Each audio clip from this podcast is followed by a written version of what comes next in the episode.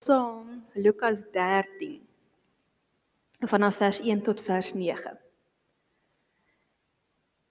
Juis in daardie tyd het mense vir Jesus kom vertel van die Galileërs vir wie Pilatus laat doodmaak doodmaak het waar hulle besig was om hulle offerdiere te slag. Toe antwoord Jesus hulle: Dink julle dat hierdie Galileërs groter sondaars was as al die ander Galileërs omdat dit met hulle gebeur het? Nee.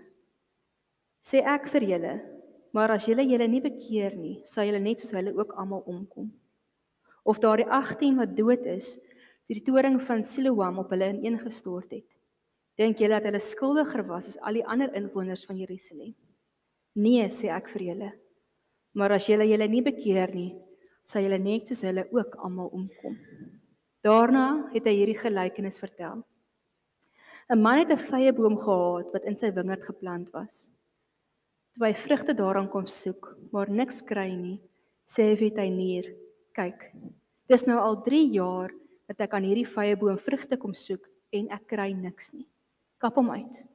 Waarom moet hy langer die grond uitput?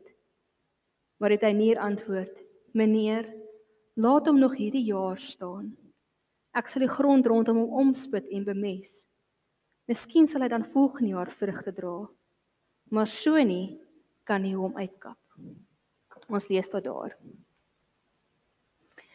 is 'n vreemde gedeelte hierdie twee dele wat so aan mekaar raak. Maar die eerste gedeelte begin met die stikkend en die seer van hierdie wêreld. Het julle al ooit gewonder waarom sekere mense, waarom dit vir ons lyk op sekere mense net al die teenspoed kry in die lewe? Asof die een ding na die ander net met hulle gebeur. Waarom daar altyd net soveel slegte goed is? Partykeer vra ons die vraag, hoorie, het hulle dit nou verdien? Is die Here besig om hulle te straf dat hierdie goed keer op keer met hulle gebeur? Hierdie gedagte is nie iets niets nie. Dis waar die Fariseërs ook hier gestaan en redeneer het toe hulle met hierdie verhaal van die Galileërs na Jesus toe kom. Daar was 'n groep Galileërs wat besig was om hulle offerdiere te slag. Dis al wat ons weet van die hele storie. En terwyl hulle besig was om hulle offerdiere te slag, kom Pilatus en hy maak hulle daar tussen hulle offerdiere dood. Sodat ons hier lees hulle bloed gemeng het die diere wat hulle eintlik aan die Here wou offer. En die gedagte agter dit was dat hierdie Galileërs iets verskriklik sondig moes gedoen het om so te sterf voordat hulle vir die Here kom vergifnis gevra het deur hierdie offer. Nou vra Jesus vir hierdie mense: "Is dit dan so dat hierdie Galileëse sonde so groot was, soveel meer as almal ander se sonde. En Jesus sê vir hulle: "Nee. Ek sê vir julle as julle hulle nie bekeer nie, sal julle ook soos hulle omkom." Maar dan kom Jesus met 'n tweede voorbeeld en hy sê: "Of wat van die mense en dit wat by Siloam, die toring van Siloam gebeur het?" Daar kry ons die gedagte van hierdie mense wat besig of gebly het in hierdie toring. En ewe skielik het hierdie toring net ineengestort en 18 mense is oorlede. Ons sal dit noem 'n tragiese ongeluk. 'n Slegte ding wat gebeur en ons weet nie regtig hoekom dit gebeur het nie. Maar 18 mense is dood. Nou as ons aan julle mooi dink aan die verhaal van Job in die Bybel, is dit dieselfde tipe ding wat met Job se kinders gebeur het. En daar het sy vriende gekom en vir hom gesê: "Job, jou kinders moes soveel gesondig het dat hierdie verskriklike ding met hulle gebeur het. En dis dieselfde vraag wat Jesus hier hoor by die mense. Hy sê, was hierdie 18 mense se sonde dan nou soveel groter as die res van Jerusalem se sonde? Dat dit met hulle moes oorkom. En weer 'n keer antwoord Jesus vir hulle en hy sê vir hulle: "Nee. Ek sê vir julle, as hulle as julle julle nie bekeer nie, sal julle net so omkom soos hulle." Twee voorbeelde hier van slegte goed wat gebeur. En die vraag wat mense en ons as mense vra, het ons skuld daarin? Verdien ons dat slegte goed so gebeur? Ek het nog aan die begin van COVID, toe ek hierdie gedeelte lees hierdie week toe, dink ek hoe baie ek die woorde gehoor het. COVID is 'n straf van die Here. COVID kom om vir mense te vertel hoe verkeerd hulle lewe. Ons hoor baie keer hoe mense dit verkondig, veral onder die ehm um, pastore in ons land, as ek dit nou so kan sê. Wat hulle kom en sê, as jou kind doodgaan, moes jy iets verskriklik gedoen het dat die Here vir jou so kwaad is. As jy nie kan swanger raak nie, moes jy iets verskrikliks gedoen het om nie kinders te hê nie. As 'n tragiese ongeluk met jou gebeur, o, wat het jy gedoen dat die Here jou so straf?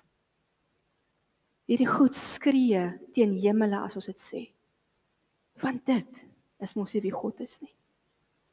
En tog is hierdie prentjie so by ons ingebeeld en ingebed diep in ons harte dat ons nie baie keer besef hoe dink ons dieselfde nie. Het jy nog nooit gewonder in jou eie lewe wanneer iets sleg met jou gebeur? Here, wat het ek gedoen dat dit moes gebeur? Wat het my familie gedoen dat ons keer op keer hierdie slegte moet oorkom? Ek het self daai vraag gevra.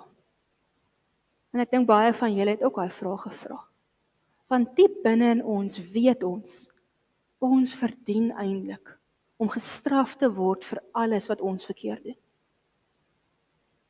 Maar Jesus kom draai so 'n bietjie die appelkar om. Hy gooi die appelkar eintlik om. Hy met hierdie mense kom gesels oor hierdie worsteling waarmee ons sit. En hy kom vertel vir hulle die gelykenis van die vrye boom. En daar's 'n paar gelykenisse van die vrye boom. Jy weet dat iemand verdroog het toe Jesus verbygestap het, maar hierdie ene is die een wat die vrye boom nie vrug gedra het nie. En Jesus kom en hy vertel vir die gelykenis van 'n vrye boom wat in 'n wingerd staan wingerd is mos waar druiwe groei. Maar dadelik sal ons dink, maar wat maak 'n vrye boom uit sy plek uit in 'n wingerd? Maar eintlik is dit nie vreemd nie. Ons was nou die dag was ons 'n bietjie Kirkwood toe, daar waar die moeilikheid nou so hoog groot is. Maar soos jy daar ry, sien jy oral sien dat daar verskillende goed geplant is tussen wingerde. Dis rose en dis ander tipe bome en dis bloekombome en allerlei goed. Want die bome wat daar geplant is en die ander plante, net soos hierdie vrye boom, is juis daar om bye te lok sodat die regte bestuiving kan plaasvind in die boord. So dis nie glad nie vreemd dat hierdie vrye boom daar te midde van die wingerd staan nie. Vir die druiwe is dit goed dat die vrye boom daar staan en vir die vrye boom is dit ook goed want hy kry weer van die druiwe se se bestuiving om meer vrugte te dra. Die feit dat hierdie vrye boom nie in die veld staan nie, maar in 'n wingerd sê ook vir ons dat hierdie vrye boom versorg is. Hy het water gekry, daar's na hom gekyk. Hy sê sommer net oor sy, sy eie losgelaat en hy moet nou maar oorleef nie. Hy was in die perfekte omgewing om vrug te dra. En tog kom die eienaar daaraan en hy sê vir 3 jaar lank kom ek na hierdie boom toe. Elke jaar kom soek ek vrugte. En elke jaar kry ek nie een vy aan hierdie boom nie. Nou ek weet nie of julle vrugtebome baie goed ken of hoe goed julle dit ken nie, maar dis bitter min dat 'n mens dit kry dat 'n boom geen vrug dra nie. Partyke dra hy min vrugte of 'n klein vruggie of die vrug word opgeëet deur 'n gogga, maar hy dra ten minste ergens 'n vrug. Maar nie hierdie boom nie. Vir 3 jaar lank het hierdie boom geen vrugte gedra nie en dit maak die eienaar kwaad. Soveel so dat hy vir die tuinier wat verantwoordelik is om hierdie boom op te pas sê, kap uit hierdie boom. Hy beteken niks. Hy staan op die perfekte plek, hy beteken niks want hy dra nie vrug nie. Inteendeel, hy put nog die grond uit. Hy trek al die nutriënte en voedingsstowwe uit die grond uit op. Maar hy wys niks daarvoor nie. Maar hierdie tuinier smeek die eienaar, hy sê, Gee hom nog 1 jaar kans, nog 1 seisoen kans. Ek sal hom bemes, omwerk, sy grond omwerk en kyk of ek hierdie boom nie kan kry om vrug te dra nie. Want 'n vrugteboom dra ook nie die eerste jaar vrug nie, as jy sal weet. Dit vat 'n paar jaar en hierdie boom is al groot genoeg om te kan vrug dra. En die tuinier wou nie toelaat dat hierdie kans ontneem word van hierdie boom om vrug te dra nie. Nou wat sê Jesus deur hierdie gelykenis.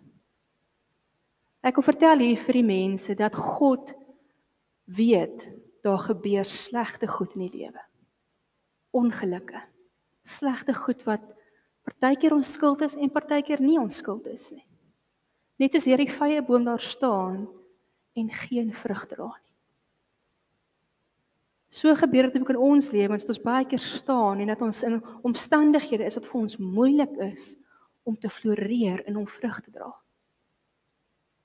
Maar die Here se wil is dat ons vrug dra. Maak nie saak in watter omstandighede ons staan nie. En daarom kom hierdie tuinier wat eintlik vir Jesus uitbeeld en hy kom smeek by God, gee die mensdom nog 'n kans. Wat julle sien hierdie verhaal van hierdie gelykenis wat Jesus vertel, speel af net so voor Jesus begin sy laaste pad te stap na die kruisiging toe. Waar hy die tuinier is wat alles moontlik vir ons as mense doen en vir hierdie fariseërs wat so dink dat dat mense straf, God se straf verdien. Kom hier sê kom sê vir hulle, God kom gee julle nog 'n kans. Ek gaan vir julle die grond omwerk. Ek gaan vir julle dit moontlik maak om vrug te dra. En dis presies wat Jesus kom doen het. Hy het vir ons sy genade gegee sodat ons nie meer die straf vir ons sonde hoef te dra nie. Hy het ons kom verlos. Hy het ons kom vrymaak van die feit dat ons eintlik as mense veronderstel is om die gevolge van ons optrede te dra. Jesus die tuinier het daardie skuld en verantwoordelikheid op hom kom vat. En hy kom sê kom gee al mense nog 'n kans, Here. Ons, elkeen wat hier sit, is nou deur Paasfees waar ons juis gevier het hoe Jesus hierdie kans vir ons kom gee. Maar so baie keer dink ek ons wat glip dit deur ons vingers. Ons vat dit so van selfsprekend. Ons is in die kerk, ons gelowige ouers groot geword in 'n huis wat die Here gedien het. Ons bly in 'n land wat ons geloofsvryheid het. Ek het 'n Bybel om te lees. Enige tyd kan ek hom optel en lees sonder om bang te wees dat ek doodgemaak gaan word ons staan in die perfekte omgewing om vrug te dra om te wys dit wat ons leer in die woord van God. Alles om ons is die ideale omstandighede. En tog dra ons baie keer nie vrug nie. Tog sê ons baie keer, ag nee, maar dit is nie my skuld dat ek nie my lewe kan regkry nie. Dis nie my skuld dat ek verslaaf is nie. Jy weet, dit en dit en dit het my lewe gebeur. Hierdie seer wat ek saam met my dra, my pa het dit en dat gedoen. En daarom kan ek nie anders leef nie. Dis presies wat hierdie mense gedoen het aan hierdie begin van die verhaal. Dit was die mense se sonde wat gemaak het dat hulle sterf. Dis iemand anders se skuld wat maak dat ons nie die lewe kan leef wat God wil hê ons moet leef nie. Ons is blaas plaas so maklik die skuld op ander mense eerder as om self die verantwoordelikheid te neem en die kans aan te gryp wat God vir ons gee. Jesus kom sê vir ons, julle het nog 'n kans. Nog 'n kans om voluit te lewe, nog 'n kans om die verantwoordelikheid op te neem en te leef soos kinders van God. Ons as mense sê baie keer, nee, maar dis nie net my verantwoordelikheid nie. want ons plaas die skuld op iemand anders. Dis makliker. Dis makliker om die slagoffer te wees van ons omstandighede as om verantwoordelikheid te neem en te sê ten spyte van my omstandighede gaan ek vrug dra. Kyk na die gelowiges wat in vervolgde lande sit. Hulle staan nie in die ideale omstandighede nie. Hulle staan in 'n wildernis. Waar hulle nie versorg word nie, wil nie water kry nie en tog dra hulle soveel vrug. Ek dink dan is hierdie gelykenis nog hulle aanklag op ons. Maar waar is ons vrug? Kan mense na ons lewens kyk en sê, weet jy wat? Hierdie kind, hierdie mens dra die vrugte van die Gees. Hierdie mens is vriendelik. Hierdie mens is vol liefde. Hierdie mens praat van vrede. Hierdie mens soek nie konflik nie. Kan mense na ons lewens kyk en dit sien. Om vrug te dra is nie net iets wat nou en dan gebeur nie. Ek dink dis die ander fout wat ons dikwels maak as gelowiges. Ons sê so baie keer, ag, daar gaan nog tyd wees. Ek het mos my hele lewe voor my. Ek wil net nog vandag hierdie ding doen wat vir my so lekker is, al weet ek is verkeerd. Ek wil net vandag nog 'n laaste keer saam met my vriende uitgaan. Myself dronk drink en dan klim ek in die kar. Men weet dit was dalk my laaste aand. Jesus kom vertel vir ons hierso hoe kosbaar ons tyd is. As ons dit nie nou besef nie. In die land en die wêreld waarin ons leef, nie weet ek nie wanneer ons dit gaan besef nie. Dis 'n pandemie waardeur ons is. Waar mense hoeveel keer gesê het, ek gaan nou my lewe in plek kry, my lewe reg kry vir God. Hoe lank het daai voorneme gehou? Ons kom en ons sien oorlog in Oekraïne en ons is bang vir alles wat daar gebeur en hoe dit gaan oorspoel. Dis nou die tyd om ons lewens reg te kry. En voor ons ons oë uitvee, gaan ons maar net aan soos ons altyd aangegaan het. Ons sien natuurrampe van vloede en droogte wat die laaste 10 jaar van Suid-Afrika se natuurlewe kenmerk. Elke keer hoor ons die woorde: Dis nou die tyd om jou lewe reg te kry. Maar wat maak ons daarmee? Gebruik ons dit? So baie keer het ons 'n noue ontkoming of ons besef hierdie goed wat ons laat besef soos hierdie boom, jy gaan nou uitgekap word. Die kans is daar. Maar die verandering in die belofte is van korter duur. Vir 'n klein tydjie dra ons vrug. Probeer ons vrug dra. Maar dit bly nie permanent nie. 'n Vrugteboom om die beeld te gebruik. Kan nie net die een oggend opstaan en sê, "Oeps, hier's 'n vy nie." Dit werk nie so nie. Hier's 'n lemoenie, hier's 'n vrug. Vandag is ek vriendelik nie. Dit werk nie so nie. Vrugtebome begin vrug dra uit die winter, uit die tyd wat hulle swaar gekry het. Uit die tyd wanneer slegte goed gebeur, begin hulle nuwe lote stoot begin hulle bloeisel stoot. Daardie bloeisel word 'n klein vruggie. Daardie vruggie word groter en groter totdat daardie vrug ryp word. En wanneer daardie vrug ryp word, word dit weer saad vir 'n volgende boom om te kan begin. En dis hoe ons gelowiges se lewens op moet werk. Ons kan net sê vandag dra ek vrug en môre en die dae daarna doen ons niks nie. Om vrug te dra is iets wat elke dag deel van ons lewe moet wees. Dis hoe ons as gelowiges ontwikkel. Dis hoe ons versprei in hierdie wêreld, hoe die geloof versprei. En dis wat Jesus vir hierdie mense kom sê. Hy sê vir hulle slegte goed gaan gebeur. Goed wat ons nie gaan verstaan nie. Hy verduidelik nie vir hulle hoekom hierdie tragiese gebeure gebeur het met die Galileërs en die mense van Siloam nie. Maar hy sê vir hulle wanneer dit gebeur, Wanneer die dreigement daar is dat 'n boom uitgekap kan word, is dit tyd dat ons wakker skrik. Is dit tyd dat ons begin vrug dra. Swaar kry tye trek ons weer terug na God. Dit trek ons weer daarna waar ons moet wees.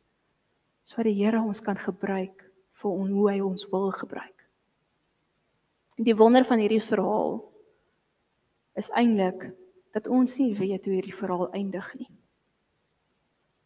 Nêrens lees ons of hierdie boom ooit vrug gedra het nie.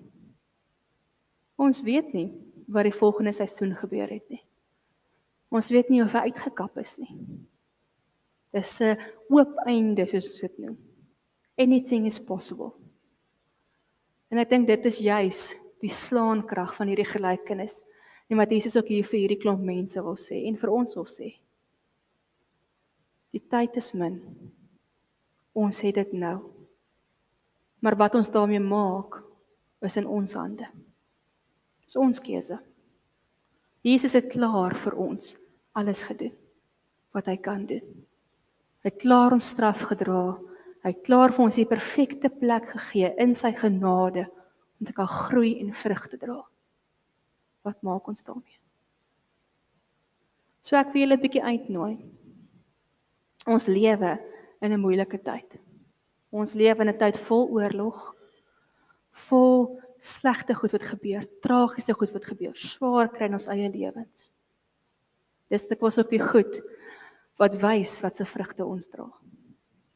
Of ons vrugte dra van wat kenmerkend is van die gees van God en of ons vrugte dra wat gaan oor ons eie lewens en om onsself te beskerm en vir onsself te leef. So gaan kyk 'n bietjie na jou lewe. Gaan kyk 'n bietjie terug. Gaan kyk wat se vrug dra jy? en of jy enigstens vrug dra. Want die tyd is nou. Ons het net nou. Ons weet nie of ons môre nog hier is nie. Ons weet nie of ons nog 'n seisoen het nie. Kom ons gebruik die tyd wat ons nou het. En kom ons dra vrug vir die koninkryk van God. Net een vruggie nou en dan nie, maar 'n hele boom wat ontwikkel elke liewe dag en nader aan God kom. Sodat mense by ons verby kan stap soos soos hierdie eienaar verby sy boom gestap het. 'n Vrug kan pluk en iets van God kan beleef in hierdie wêreld. Want dit is God se doel met ons. Die tyd is nou. Ons het nou nog 'n kans. Kom ons gebruik dit. Ons bid saam.